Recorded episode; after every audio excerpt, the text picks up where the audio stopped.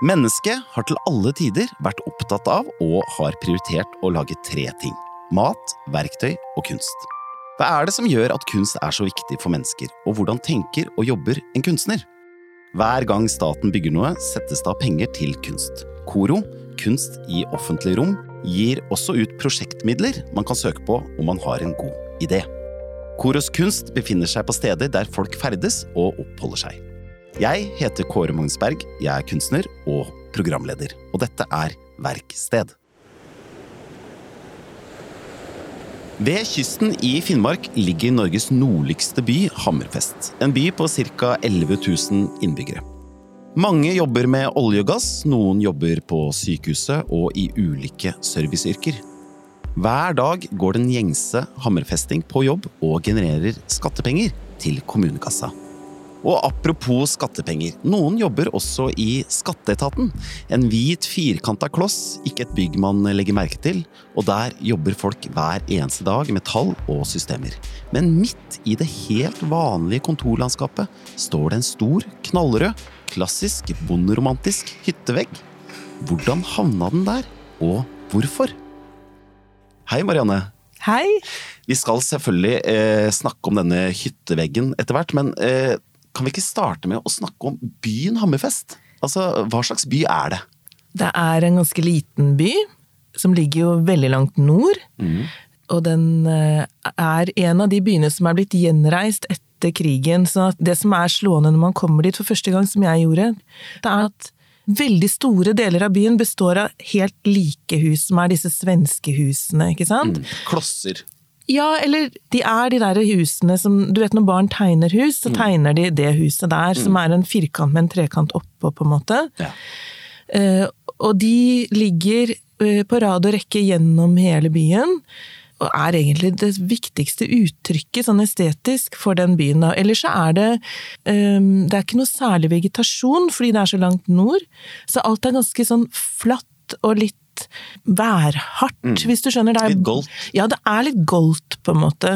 Så er det utrolig vakkert. Om vinteren er det sånn eh, nordlys, og om sommeren er det lys hele tiden, og det er jo helt fantastisk. Og rett ut i dette fantastiske havgapet og sånn, veldig, veldig fint. Så mitt inntrykk da jeg kom dit første gang, var litt sånn shit, jeg er ved verdens ende, liksom. Her slutter det. Dette er liksom ja, ja. siste utpost, da. Ja, ja. Marianne Heier er en kunstner som jobber med både skulptur, tekst, performance og installasjon. Hun fikk i oppdrag å gjennomføre et kunstprosjekt for Skatteetaten i Finnmark. Det Marianne gjør da, er å gå all in og leie ut leiligheten sin i Oslo og flytte til Hammerfest i to måneder. Og ikke bare flytte inn i byen, men også inn på kontoret til Skatteetaten. Der var hun en del av staben hver eneste dag og tok del i alt det de foretok seg. Altså, du skulle lage et prosjekt da hos Skatteetaten. Men for å gjøre det prosjektet, så begynte du å jobbe der. Og da er jeg bare veldig spent. Ble du da makuleringsansvarlig? Eh, stifteansvarlig? Altså, hva var liksom rollen din på kontoret hos Skatteetaten? Jeg tror at det var litt utfordrende for Skatteetaten å finne en rolle til meg, faktisk. For jeg er jo helt inkompetent når det gjelder alle de tingene som de driver med der. Ja.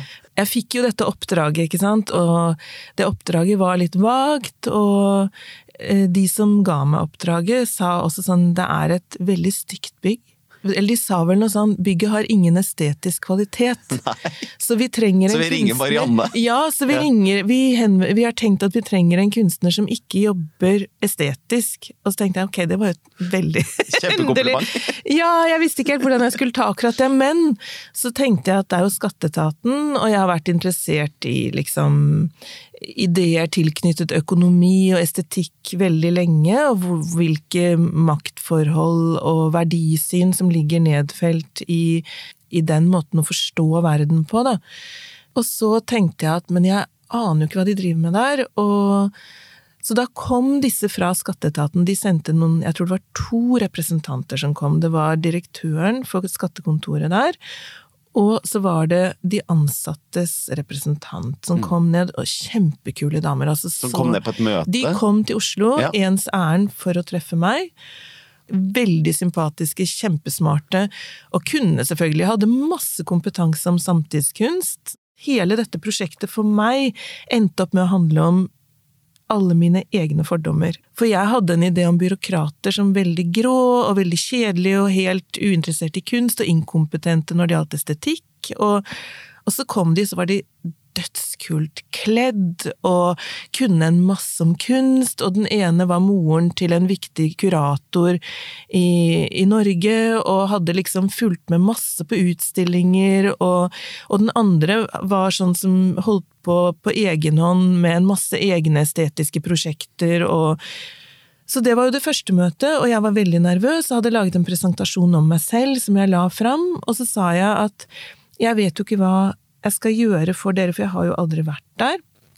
Og det er viktig for meg, da, og det er generelt viktig i mitt arbeid, at jeg ikke skal komme, når jeg jobber med offentlig kunst, komme inn i en kompleks kontekst som alle offentlige kontekster er, og på en måte projisere mine egne fordommer på den situasjonen, ikke sant. Så, så mitt forslag til dem, da, det var at jeg skulle At den første delen av verket måtte være at jeg var eh, midlertidig ansatt, fungerte som midlertidig ansatt på skattekontoret, um, over en periode på litt over to måneder.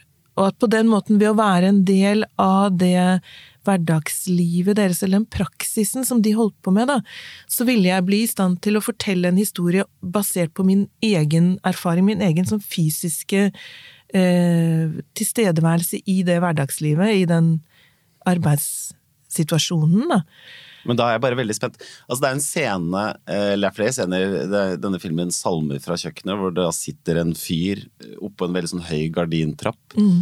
og så noterer som en slags sånn forskning. Altså, Hvordan oppførte du deg i liksom, kontorlandskapet? Altså, Hva gjorde du? Ja, Det er et veldig godt spørsmål. fordi man, når man går inn i en sånn situasjon, så kan man jo bli sittende sånn på en høy krakk og ja, ja. ta notater over hva de andre gjør. ikke sant? Ja, og det var litt det jeg ikke ville, jeg, fordi det er jo egentlig en ganske autoritær Nettopp. posisjon.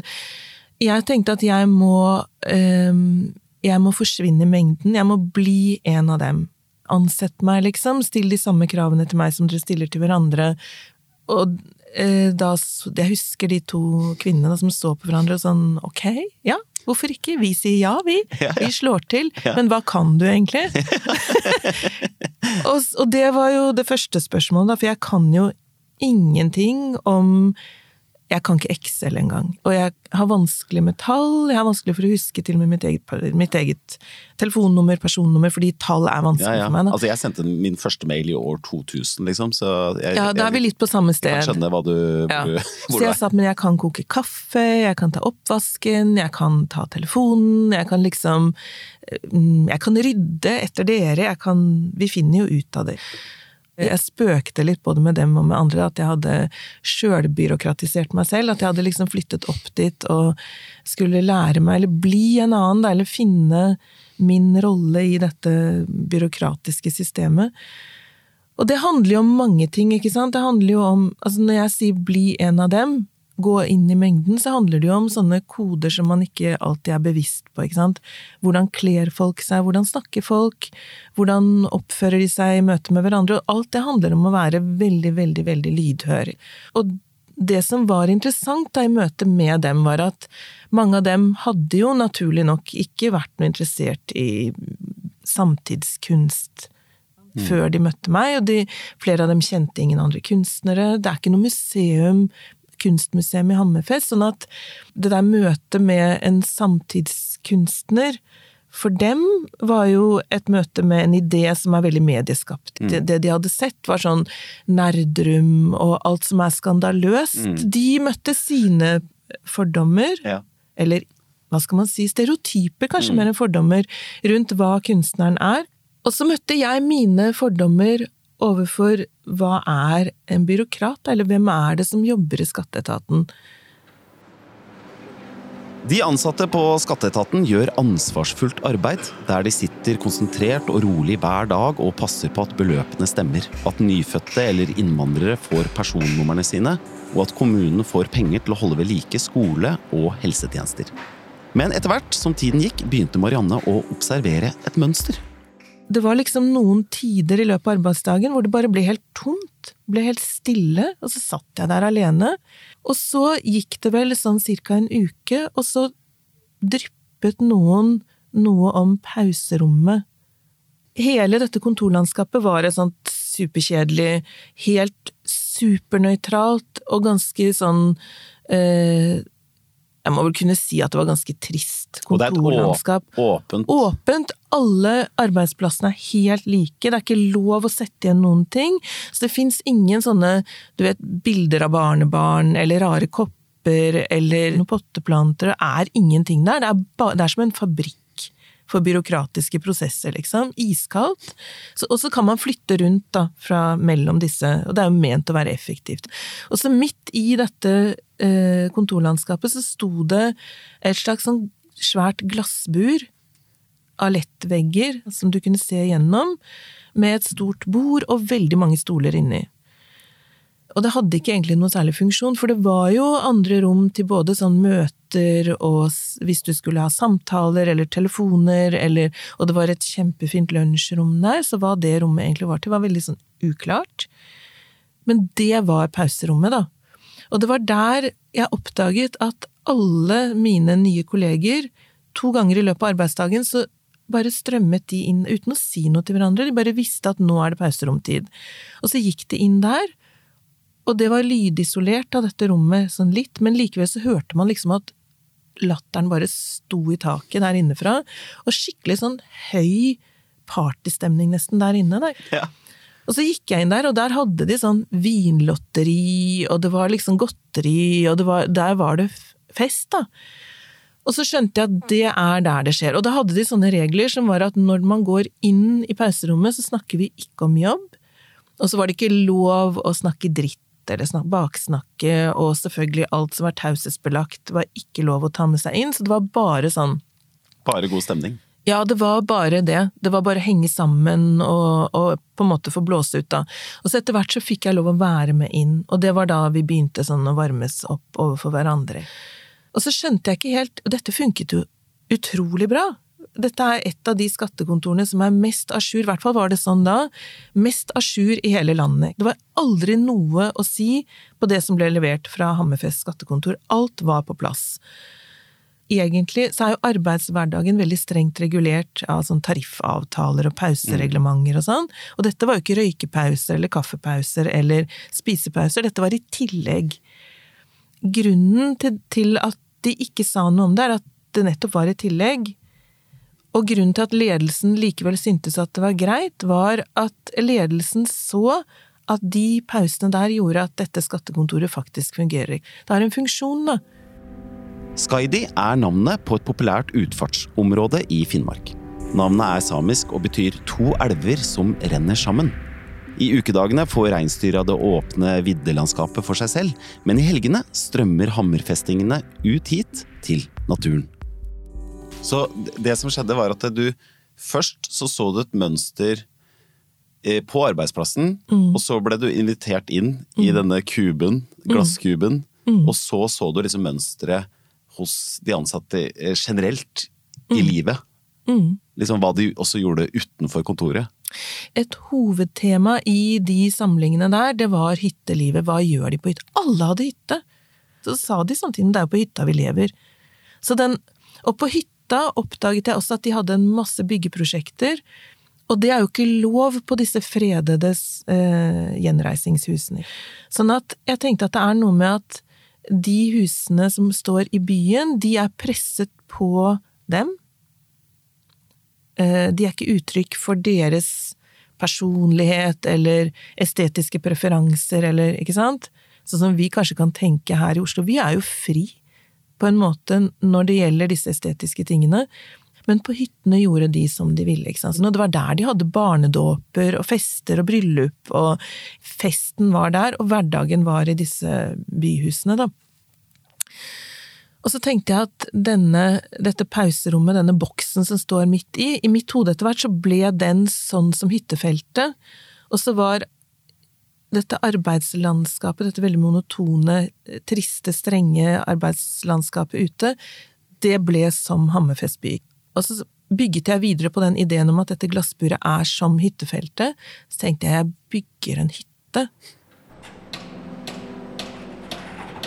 Samtidskunst kan være mye mer enn et bilde på en vegg, en statue på en sokkel. Det kan i prinsippet være alt mellom himmel og jord. I dette eksempelet er kunstverket en vikarperiode, time etter time på et byråkratisk pauserom, og en laftet rødmalt hytte inne i et kontorlandskap.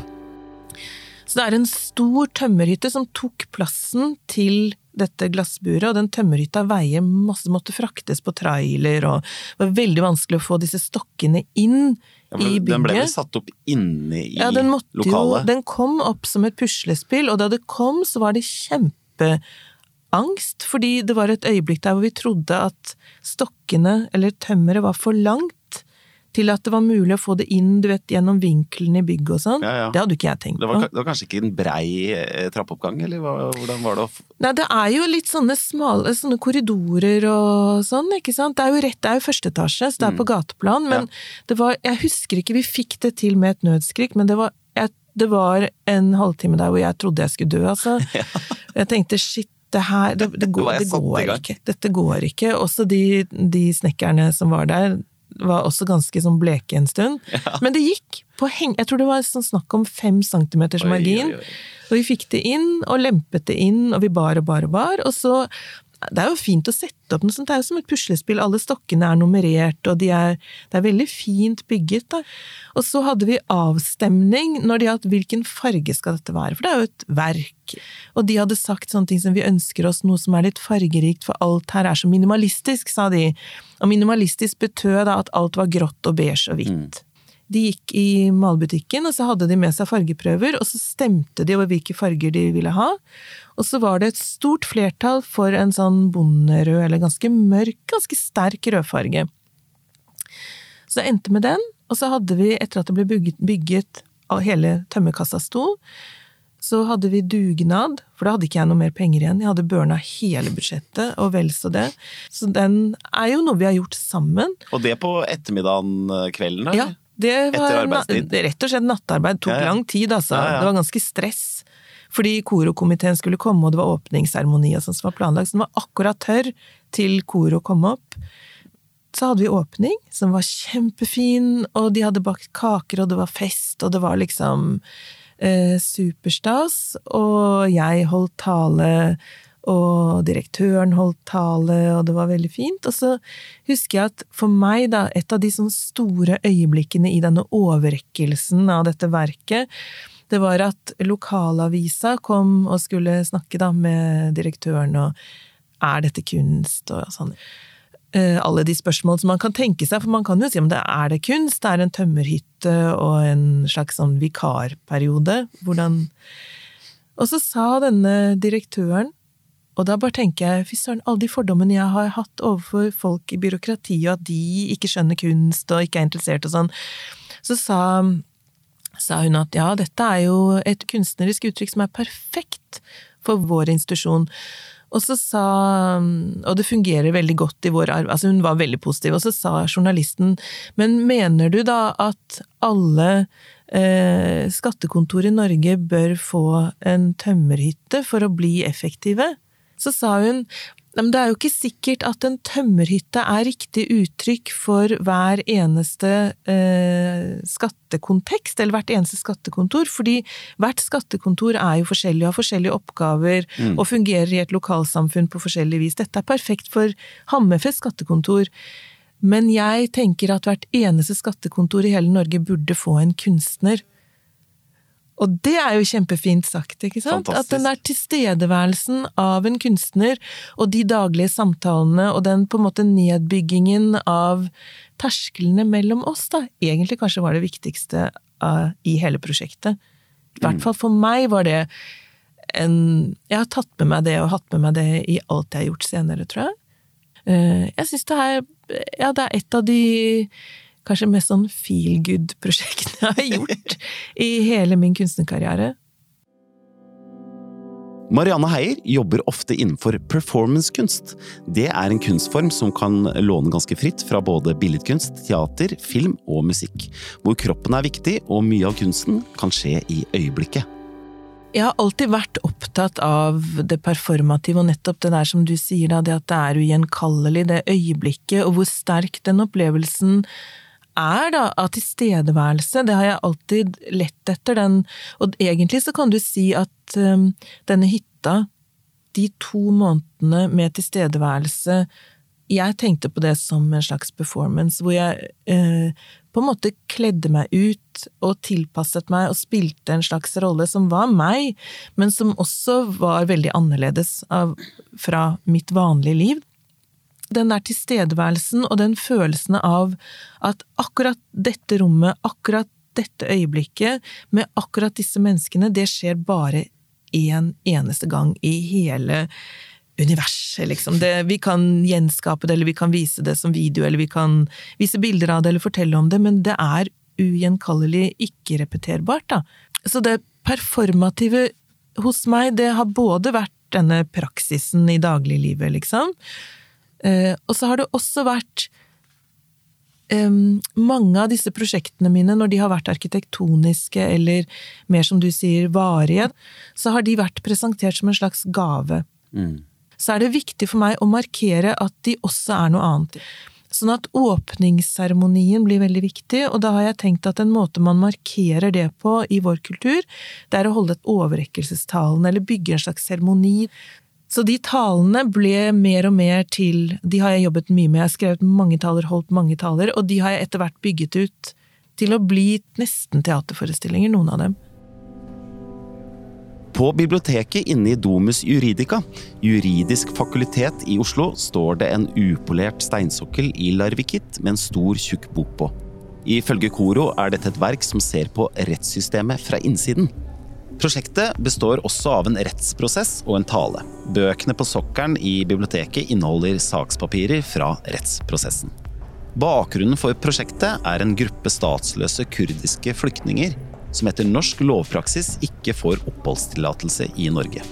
NOAS, Norsk organisasjon for asylsøkere, har ført rettssaken på deres vegne. Marianne stilte sitt kunstbudsjett til rådighet for det juridiske arbeidet med denne saken. Verket er en påminnelse om at loven ikke alltid er lik for alle, og mengden papirer viser hvor mye arbeid og ressurser som skal til for å fremme en sak i norsk rettsvesen. Det er mennesker som lever i, som de sier selv, de lever skyggeliv fordi de ikke kan forbli i Norge, men heller ikke kan dra. Så er de fanget i et slags sånt limbo, hvor livene deres holdes på vent, og man kan jo tenke seg jeg vet ikke om man kan tenke seg hva det innebærer. Det betyr sånne ting som at man ikke kan jobbe, ikke kan ha inntekt, mm. ikke kan ha en mobiltelefon. De, kan, altså de, de, kan ingenting av de tingene vi tar for gitt, kan de gjøre. Ingenting av det. Um, så dette er jo mennesker med en ekstremt dramatisk livssituasjon, som jeg tenkte at de er det området, eller ett av de områdene, hvor loven ikke strekker til. Når vi sier sånn 'jeg er norsk, jeg gjør min plikt eh, og krever min rett', de kan ikke verken gjøre sin plikt eller kreve sin rett. Da jeg fikk dette oppdraget fra Koro, så ga jeg eh, budsjettet til NOAS, og så sa jeg kan dere kjøre en prosess rundt denne problematikken, og så får jeg alle dokumenter som produseres i den prosessen. Kan jeg bare spørre, når du snakker om prosessen, Snakker vi da om en rettssak, eller ja. snakker vi det er, en, det er en rettssak? Det er flere rettssaker ja. som har vært ført da, i det norske rettssystemet på vegne av statsløse i Norge, det er en liten gruppe i Norge, eh, overfor norsk stat. Så det er rettssaker som har vært ført i tingretten, lagmannsretten og Høyesterett. Så når du sier det som man ser på biblioteket er bare en liten del, så er det helt riktig, fordi hoved eh, hovedverket er immaterielt i den forstand at den prosessen er jo selve verket. Og det man har igjen, det er denne enorme bunken med papir, som er da over 3500 sider, og den ligger der bundet inn. Så det den prosessen er, er Det er et stort juridisk arbeid som overhodet ikke er fullført enda, men den delen som jeg har kunnet støtte, da, eller produsere, kan man si, for det budsjettet jeg fikk til dette kunstprosjektet, det ligger eh, konkret sett under dette glassmonteret i form av to sånne innbundne bøker. Og når man ser hvor mye papir det er, så skjønner man også hvor ressurskrevende det er å Mm. føre en sånn sak. At det er ikke for alle. Og i det så ligger det, tenker jeg, et, en slags sånn om ikke kritikk, men en påpekning av en skjevhet i rettssystemet, ikke sant. Det er selvfølgelig ikke sånn at loven er lik for alle. Hvis du har den norske stat som motpart, og du selv er en analfabet uten pass, og uten mulighet til å åpne en konto i banken, liksom, så er det klart at eh, maktforholdet der er så skjevt som det overhodet kan få blitt. Så det verket ligger der som en påpekning og en påminnelse om viktigheten av det arbeidet som disse nye, unge juristene skal gjøre, da. Hvor viktig de er for oss. Og så er det en del til av det verket som er at jeg holdt en tale på åpningen, eh, som er et av disse performative verkene jeg gjør, da. Som er en overrekkelsestale, som er ment å feste på en måte dette verket i historien til juridisk fakultet. Og den talen ble holdt på åpningen av fakultetet, som betyr at det også var masse representanter for staten der. Så det er en måte å forsøke å få dette verket til å ha størst mulig effekt. De hørte hva jeg hadde å si, og akkurat i dette tilfellet med dette oppdraget fra Koro, så opplevde jeg at jeg plutselig var i en posisjon hvor jeg kunne si noe og bli hørt på en annen måte enn jeg kan som bare privatperson. Jeg hadde noen midler, det fantes et bygg som har en veldig sterk og tydelig funksjon i norsk offentlighet. Når Koro sier at verket belyser eh, hva er det de sier, rettssystemet fra innsiden, så tenker jeg at den formen som dette verket har, den er produsert av selve rettsapparatet. Den talen er holdt i selve juridisk fakultet, overfor de menneskene som er en del av det maktapparatet. Og så må jeg si at eh, denne talen, eh, den ble trykket i Morgenbladet. Ja. Så den fins. Eh, den kan man sikkert eh, eh, ja, lese. Den ligger ute Den på ligger nettet. ute. Mm. Så de som eh, har lyst til å lese den talen, har mulighet til det. Jeg må si bare tusen takk at du kom. Eh, Veldig interessant å høre om prosjektene dine, og så eh, sier jeg lykke til med kunstnerskapet videre, og livet generelt. I like måte. Takk skal du ha. Denne podkasten er produsert av Feelgood Scene Film og TV for Koro, og er laget av Anna Katarina Haukeland, Pernille Skar Nordby og Åsne Jukse fra Koro. Anne Gerd Grimsby Haarr hos Filt, og meg, Kåre Magnus Berg. Episoden er klippet av Bård Solhjem Knutsen, og produsent er Miriam Ofsdal Berg.